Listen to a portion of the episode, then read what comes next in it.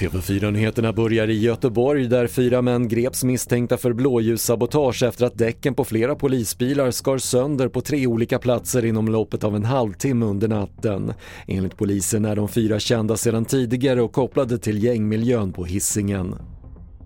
Centrala Karlskrona drabbades av översvämning under morgonen på grund av en stor vattenläcka och vattnet gick upp till dörrarna på flera parkerade bilar. Vid sjutiden sa kommunen att läckan hittats på en av de stora ledningarna och du kan se mer på tv4.se. Vården i Västra Götalandsregionen går upp i förstärkningsläge på grund av hög belastning och många fall av influensa, RS-virus och covid-19 samtidigt.